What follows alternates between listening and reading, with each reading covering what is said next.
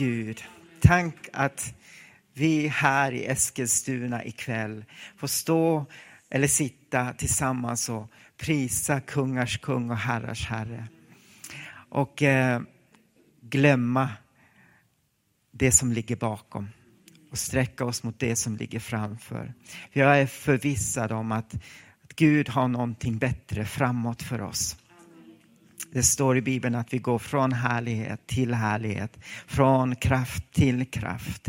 Och därför så låt oss lyfta blicken och se på Jesus så att vi inte förlorar hoppet. Jag är förvissad också om att Gud vill möta dig här ikväll. För att han är här och han känner var och en utav oss och han vet precis vad vi går igenom. Vad helst du tänkte på innan du kom till det här mötet så känner Gud det och han vill möta dig. Vi har ju börjat en serie som eh, när vi, under den hösten när vi kommer att tala om den helige Andes gåvor. Och, eh, du började förra veckan va?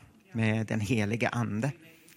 Och eh, jag kommer idag att tala lite grann om vad de, helig, vad de nådegåvorna är för någonting. Och, eh, men inte så mycket, utan vi kommer att få göra det under de andra onsdagarna. Men eh, för en del av oss så har vi hört mycket undervisning om de nådegåvorna som vi hittar i första Korinthierbrevet kapitel 12, vers 1 till och med 11. Och eh, för andra så kanske du inte alls har hört så mycket undervisning om det. Och då uppmuntrar jag er att komma hit varje onsdag under hösten. Och eh, kanske någon av er har varit använd av Gud i någon av de här nådegåvorna. I, i profetia eller att uttyda ett tungotal eller att skilja mellan andar. Eller. Och eh, medan en, någon av oss inte har blivit använd så mycket i de här gåvorna. Men jag tror att Gud vill se en förändring i vår församling. Att de här gåvorna ska bli ännu mycket mer regelbundet använda i här när vi kommer samman på gudstjänsten, men också ute i vårt dagliga liv. Där vi möter våra vänner, där vi möter arbetskamrater. Att vi kan få tala in profetiska tilltal in i människors liv, eller ett kunskapens ord som kan förändra en människa.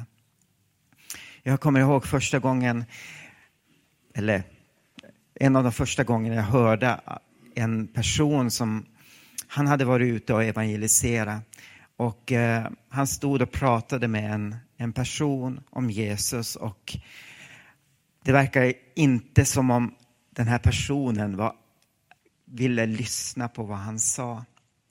Och han eh, debatterade om varför man inte skulle tro på Jesus. Men så plötsligt så, den här mannen, han fick en, en förnimmelse av att någonting hade skett i den här personens liv för många, många år sedan, i barndomen. Så han sa det här till den här personen. Och den här personen blev alldeles paff och frågade hur kan du veta det? Hur kan du känna till om det? Och eh, den här personen sa då att Gud vill förändra. Gud såg dig då och Gud vill förändra ditt liv. Och genom det där så förvandlades den här personens liv. Han öppnade sig för att ta emot Jesus. Jag tror att de andliga nådegåvorna är oerhört viktiga för oss som församling för att vi ska kunna se en förändring i vår stad och i vårt land. Och eh, så min bön, och jag tror vår bön, är att vi som församling ska komma vidare i en större förståelse i de andliga nådegåvorna. Men, men också att vi ska bli mer använda. Jag vill att vi ska gå till första Korinthierbrevet kapitel 12 och läsa verserna 1 till och med 11. Ni har det här uppe. Jag läser. Bröder, jag vill inte att ni ska vara okunniga i fråga om de andliga tingen. Ni vet att när ni var hedningar drogs ni oemotståndligt till de stumma avgudarna.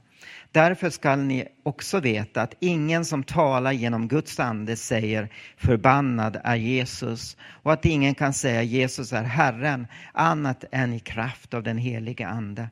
Det finns olika slags nådegåvor, men anden är densamme. Det finns olika slags tjänster, men Herren är densamme. Det finns olika slags kraftgärningar, men Gud är densamme, han som verkar allt i alla.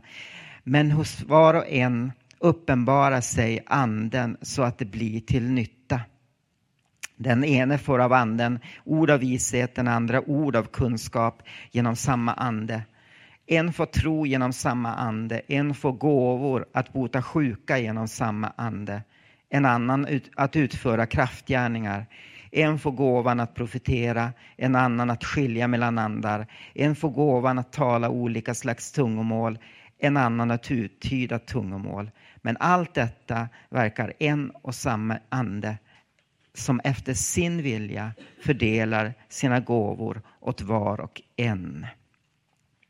Ni känner ju till många av er församlingen i Korint som var ganska full av problem. Och eh, Paulus skriver till dem för att tillrättalägga, tillrättalägga en del av de problemen.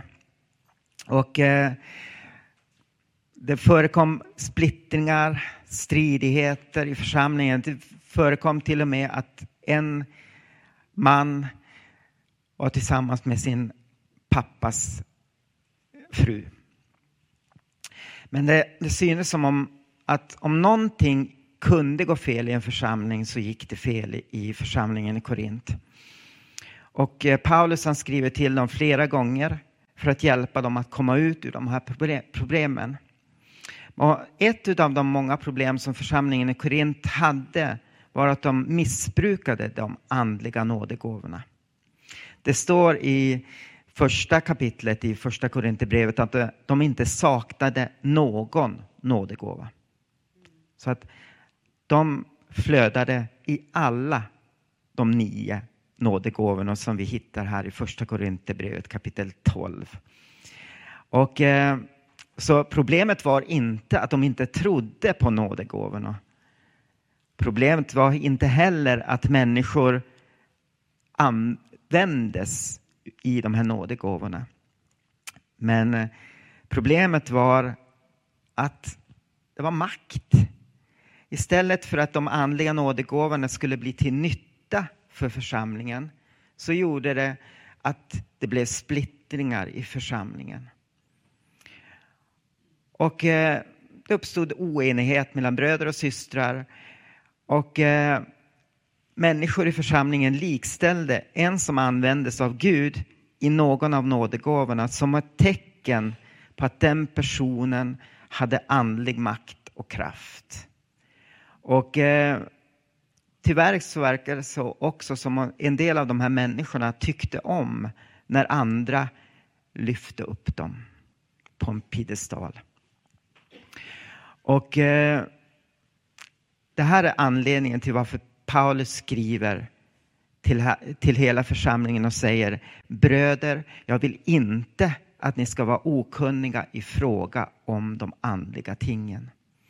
Han vill att församlingen ska förstå syftet och källan till de andliga nådegåvorna. Syftet var att bygga upp församlingen. Att bygga upp kroppen, den lokala församlingen i Korint. Och eh, göra den också mer effektiv för att Guds rike skulle kunna expandera i den delen. Och källan till de andliga nådegåvorna är inte någon mänsklig förmåga eller makt.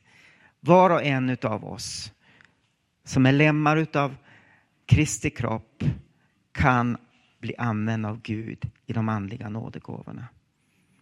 Man behöver inte ha en titel för att bli använd av Gud. Utan vi behöver vara tillgänglig för Gud. Källan är den helige Ande. Gåvorna kommer från den helige Ande. Och Det står att den helige Ande fördelar sina gåvor efter sin vilja så att det blir till nytta för församlingen. Det här är väldigt viktigt. Gud ger sina gåvor för att det blir till nytta, för att det uppbygger Kristi kropp. När man använder en, en nådegåva så är det för att bygga upp en individ. För att kroppen ska bli stark. Den heliga Ande, som jag sa, fördelar de nådegåvorna på ett sätt som ger frid och enhet. Om de andliga nådegåvorna orsakar förvirring och oenighet så finns det i alla fall två problem. Det första är att församlingen känner inte till undervisningen om de andliga nådegåvorna. Man har fel, fått fel undervisning. Och eh, ett annat problem är att djävulen skapar den här förvirringen. Ibland använder människor till exempel profetia för att tala in saker som inte kommer från Gud. Alltså felaktigt. Det är inte Gud som talar, utan man talar sina egna ord. Ibland så använder man, försöker man använda en andlig nådegåva för att upphöja sig själv. För att folk ska se på mig att jag är så använd utav Gud. Och Det här får absolut inte finnas i församlingen.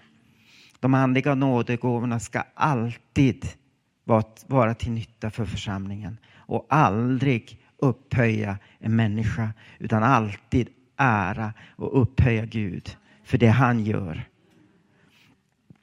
Tänk över det som Jesus säger i Matteus kapitel 7 angående, ni vet, han säger att människor kommer att komma till honom och säga att men Herre, med hjälp av ditt namn så har vi profeterat och med hjälp av ditt namn så har vi drivit ut onda andar och med hjälp av ditt namn har vi gjort många kraftgärningar. Men Jesus säger till dem att jag har aldrig känt er. Gå bort ifrån mig, ni laglösa. Paulus försöker hjälpa de troende i Korint att förstå de andliga nådegåvorna för att de inte skulle ledas bort i falska läror. Han försöker hjälpa dem från att bli bedragna av förfalskare som säger att de är Guds profeter men i själva verket är vargar i fårakläder. Jag vill bara nämna lite grann om vad de andliga nådegåvorna är. Och att det är en försmak på någonting som ska komma. Paulus, han börjar Korinthierbrevet i, i första Korinthierbrevet kapitel 1, vers 7 så säger han Därför saknar ni inte någon, någon nådegåva medan ni väntar på vår Herre Jesu Kristi uppenbarelse. Paulus knyter de andliga nådegåvorna till en speciell tid. Fram till dess att Jesus kommer tillbaka ska vi bygga upp varandra genom de gåvor som den helige Ande ger till sin församling. Och Paulus han säger till de troende i Korint att det kommer en dag då dessa gåvor inte längre behövs. I första Korinthierbrevet kapitel 13, vers 9 till 12 står det så här. Ty vi förstår till en del men när det fullkomliga kommer skall det förgå som är till en del. När jag var barn talade jag som ett barn, tänkte jag som ett barn och förstod jag som ett barn. Men sedan jag blivit man har jag lagt bort det barnsliga. Nu ser vi en gåtfull spegelbild, men då ska vi se ansikte mot ansikte.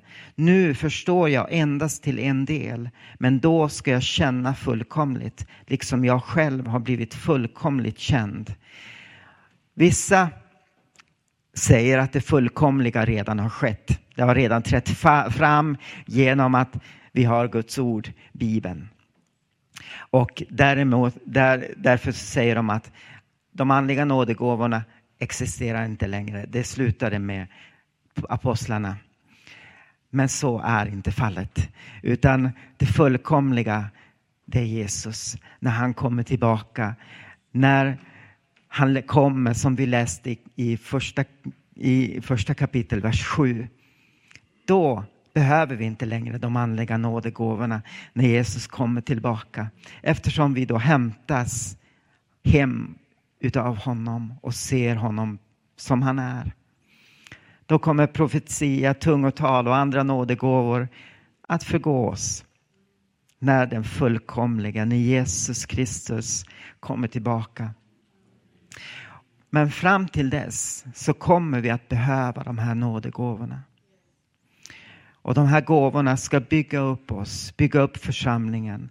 Den ska hjälpa oss att nå ut till de här människorna, till de här hushållen som vi ännu inte har nått med evangelium om Jesus. Eftersom de här gåvorna är ofullkomliga fungerar de som en försmak av det fullkomliga som kommer senare. I Andra Korinthierbrevet kapitel 1 och vers 22 så står det att anden är en handpenning i våra hjärtan och i engelskan så står det att det är en garant på det som ska komma. Och samma står det i Andra Korinthierbrevet kapitel 5 och vers 5 att anden är en handpenning och i engelskan en garant på det som ska komma. Så, och i Efesierbrevet kapitel 1 och 14 så står det att anden är en handpenning på vårt arv. Så Paulus säger till oss att anden är handpenningen på någonting som skall komma. Wikipedia förklarar handpenning så här. Handpenning eller kontantinsats är ett penningbelopp som då man ingår ett avtal betalas av, betalas av den ena avtalsparten till den andra som förskott på betalningen. Den helige Andes närvaro, hans, att han bor i oss, att han verkar i oss genom hans gåvor pekar på, mot något framtida som är mer fullkomligt. Gud ger oss till exempel kunskapens ord som jag berättade för att hjälpa en människa. För att hjälpa den här människan att komma ut ur någonting. Men det här är ju endast en försmak på den dag då vi kommer att känna till fullo. Vi kommer att känna honom till fullo. Eller kanske Gud använder dig eller mig i helandets gåvor. Att vi, när vi lägger händerna på en sjuk så blir denne frisk. Men det här är ju också en försmak på den dag då Jesus kommer tillbaka, då det inte längre ska finnas smärta eller gråt, utan allt kommer vara fullkomligt. Vi läste i första Korinthierbrevet kapitel 13 att att nu ser vi en gåtfull spegelbild, men då ska vi se ansikte mot ansikte. Jag tror att varje gång vi tillåter Gud använda oss genom sina nådegåvor så ser vi en skymt av något underbart som är på väg att komma. Och därför ska vi omfamna de här gåvorna. Vi ska längta efter de här gåvorna. I första Korinthierbrevet kapitel 14 så står det sträva är ivrigt efter kärleken men sök också vinna de andliga, nåde, andliga gåvorna, framför allt profetians gåva. Vi ska sträva i, ivrigt efter att vinna gåvorna. Men de är en försmak på någonting, det fullkomliga som ska komma. Jag tror också att andliga gåvor är menade att föra oss in i enhet med varandra. Vår enhet är också en försmak på det fullkomliga. Om en ny tid som ska komma. Johannes säger i Uppenbarelseboken kapitel 5 och vers 9. Och de sjöng en ny sång. Du är värdig att ta bokrullen och bryta dess sigill, ty du har blivit slaktad och med ditt blod har du åt Gud köpt människor av alla stammar och, och språk, folk och folkslag. En dag så kommer vi att stå framför Gud och prisa honom.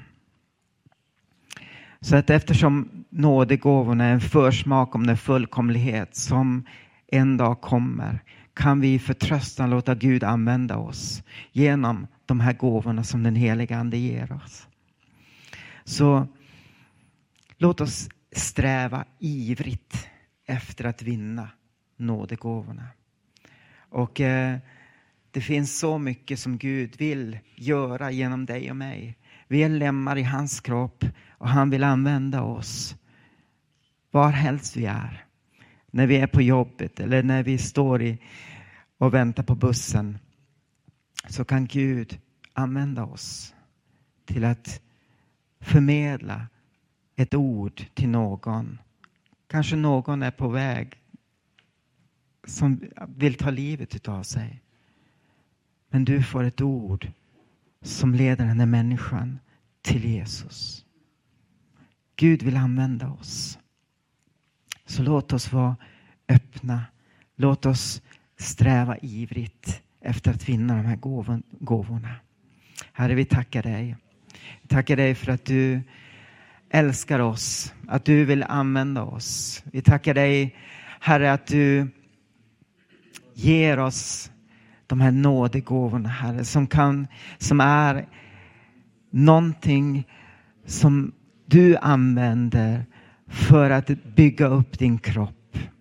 Tackar dig Gud i himmelen för att vi här ska sträva efter att vinna de här.